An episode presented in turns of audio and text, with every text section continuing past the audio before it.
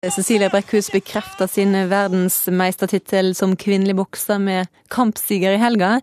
Hun er altså verdens beste i en idrett som er forbudt i Norge. Idrettshistoriker Tom Askanke, du er en travel mann. Du leverte 1152 sider idrettshistorie i trykken i dag.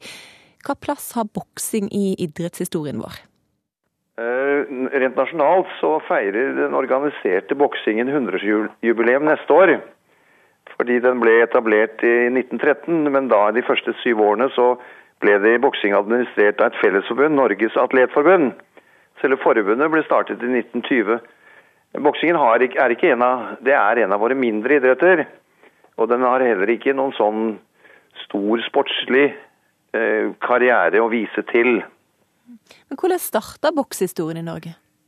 Ja, det, Altså Boksingen er jo, den er jo over 10 000 år gammel internasjonalt. Det første var i Etiopia. Også i Egypt så begynte det for 6500 år siden. Og for 2500 år siden ble den første boksemesteren kåret i en olympiade, som det het da i gamle Grekenland. Så det er enormt gammelt. Men den kom jo da fra England på 1600-tallet, begynte det igjen. og det er ikke langt fra England til Norge. Folk har jo slåss i alle, til alle tider. Men, men, men, men det, at, det, at, det er ulovlig å, å drive med proffboksing i Norge, hvor, hvorfor er det det? Ja, det burde jo egentlig spørre politikerne om, men de bygger det på medisinske undersøkelser som de viser til. Og den, Det forbudet kom i, i 1981. Men på, hele, på 60- og 70-tallet var det jo mange store profesjonelle boksestevner i Norge. Jeg var jo selv til stede da vår store eh, proffbokser eh, Svein Erik Spikeren Paulsen ble europamester i 1974. Men så, så, ble det mye snakk om at det er mer utsatt for skader enn amatørboksing. For fra 1984 er det påbudt med hjelm i amatørboksing. Og så ble det et forbud, og svenskene hadde det samme, men svenskene ombestemte seg i 2007. Og nå er Norge ett av tre land i verden som har forbud mot profesjonell boksing. De andre to er Cuba og Nord-Korea. Takk, idrettshistoriker Tom Askanke. Selv om det er ulovlig med proffboksing i Norge, så er det veldig populært med boksing på film. Per Haddal, du er tidligere filmkritiker i Aftenposten, og la oss kalle deg Kulturnytt sin boksefilmekspert. Hvorfor er boksing så populært på film? Jeg tror det går en slags linje fra Colosseum i det gamle Roma med gladiatorkamper som gikk på livet løs, og til la oss si Colosseum i kino i, i Oslo.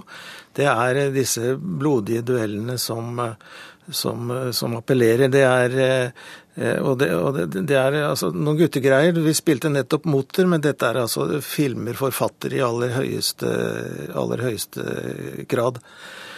Og det er jo en ganske, det er ganske klare konflikter her. Det er to mann på et begrenset rom som slår løs på hverandre. Men til forskjell fra det gamle Roma så, så blir vi jo kjent gjennom filmene med disse som skal, skal bokse. Vi får et slags menneskelig forhold, forhold, til dem. Men det er ikke spesielt dypsindige psykologiske portretter eller filosofiske portretter. Det er en veldig amerikansk eh, sjanger. Det er amerikanerne som har laget eh, de aller fleste boksefilmene. Og de er jo opptatt av å skape suksess eh, ved at vår helt, vår mann, overvinner seg selv. Og at vår mann dessuten slår seg frem til topps. Får, får, den store suksessen og blir seierherren og oppfyller den amerikanske drømmen. For nemlig Eh, de, de, de, fleste av disse heltene våre her, de kommer fra fattige kår. Og de bruker dette som et, eh, som et eh, middel til å, å, heve seg selv sosialt og, og, og, menneskelig. Mm. Hva er den beste boksefilmen, syns du? Den rasende oksen av Martin Scorsese fra la oss si 1980, Raging Bull. Det er den filmen som hvor Robert De Niro gikk opp over 20 kilo i løpet av innspillingsperioden og ned. For eh, å være så autentisk som mulig. Dette bygger på, på, en, eh, på biografien til en, en, bokser som heter Jake LaMotta. Og, men Scorsese legger en veldig mye mer i dette enn en, akkurat dette med å vinne i, i, i, i ringen.